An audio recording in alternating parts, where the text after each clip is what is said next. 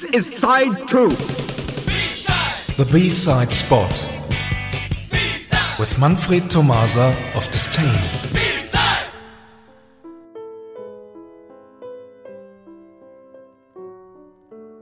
Good evening, everyone.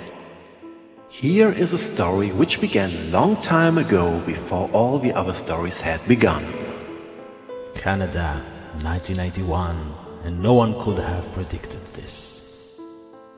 Let's just mention the first names of the original lineup Dale, Don, Joe, Glenn, Gary, and Kevin. Of course, Kevin too. Later on. It's uh, not so easy to to be uh, yeah well the detective style, but let's go on with the detective style. I like that. Okay, later on, Don became a member of Numb. And we all know that Kevin went on to make Skinny Puppy, one of the most famous and important industrial bands in the world. And the band which opened all doors into this future was called Images in Vogue. Let's listen to one of their songs. Here is In the House.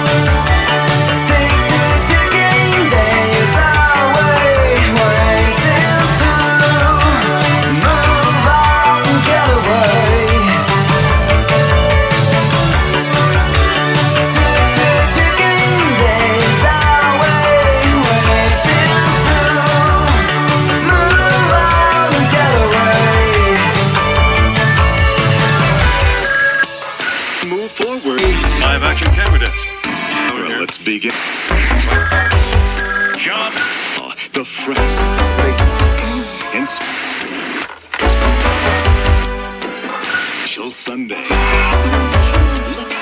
Look for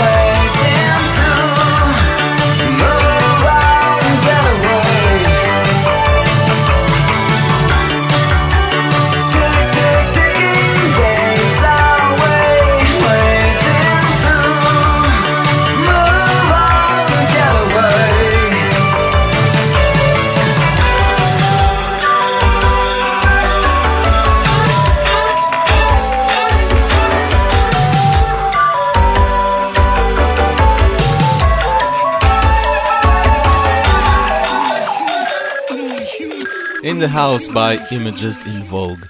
And that song was the title track of the debut album Images in Vogue, released in 1985. One more and final album followed in 1988, already with a different lineup. And now life is calling for a B-side.